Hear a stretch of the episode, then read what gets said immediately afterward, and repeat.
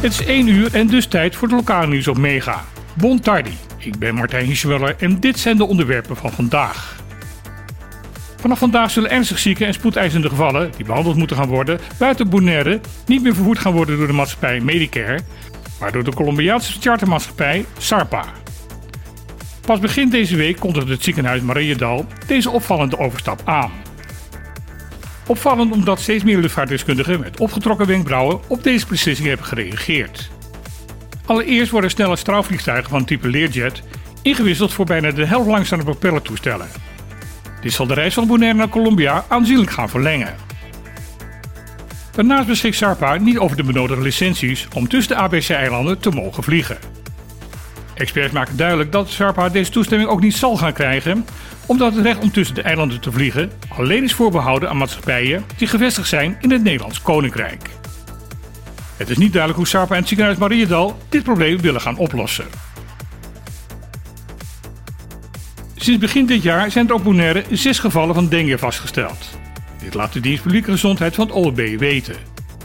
Daarmee is er zeker geen sprake van een uitbraak van deze nare ziekte, maar de dienst roept wel burgers op om voorzichtig te zijn en de nodige voorzorgen te nemen.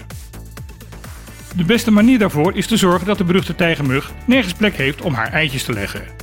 Dus de dienst roept op om alle plekken waar schoon stilstand water zou kunnen staan op te ruimen. Daarnaast wordt iedereen aangeraden om zo min mogelijk overdag door muggen te laten steken. Dit omdat de tijgermug alleen actief is bij daglicht. Dit kan door een goede antimuggenspray te gebruiken of bedekkende kleding te dragen. Het ingaan van een nieuw jaar heeft de scholengemeenschap Bonaire doen besluiten om dan ook gelijk maar een duidelijk statement voor gezondheid en duurzaamheid te maken. Dit gebeurt door de introductie van een gepersonaliseerde SGB Blue Bottle. De Blue Bottle is een hervulbare thermosfles die bedoeld is om het gebruik van plastic wegwerpwaterflessen tegen te gaan. Om dit mogelijk te maken is met een groot aantal bedrijven op Bonaire de afspraak gemaakt dat gebruikers daar de fles opnieuw met water kunnen vullen. Bij de SGB Blue Bottle staat de naam van de gebruiker in de fles gegraveerd. Zo wordt verwarring voorkomen. De scholengemeenschap vertelt in het persbericht dat er ook extra watertappunten in de schoolgebouwen zijn geïnstalleerd. Hier kunnen personeel en leerlingen hun bloedbottels met gekoeld water hervullen. Volgens de SGB vertegenwoordigen de leerlingen en personeel van de school ongeveer 10% van de Bonaireaanse bevolking. Wanneer dit percentage geen wegwerpflessen meer gaat gebruiken, is dat volgens de organisatie een duidelijke boodschap. Eerst breng je tegen alle adviezen in een belangrijke overheidsdienst onder in een onafhankelijke stichting. En daarna word je boos als deze stichting, wanneer het geld overhoudt, dit niet aan de overheid wil terugbetalen. Dit is de kern van de ruzie die is ontstaan tussen de overheid van Curaçao en het kadaster op het eiland. In 2002 wordt de stichting Kadaster opgericht. De toenmalige overheid vond het noodzakelijk om dergelijke diensten te gaan privatiseren.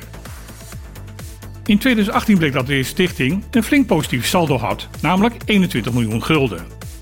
Dat geld wilde de regering graag terug hebben. De motivatie daarvoor was dat het niet de bedoeling was dat de stichting zichzelf ging verrijken. Uiteindelijk liep dit conflict uit op een rechtszaak. Helaas voor de overheid heeft de rechtbank zowel in eerste aanleg als in hoger beroep de landsbestuurders in het ongelijk gesteld.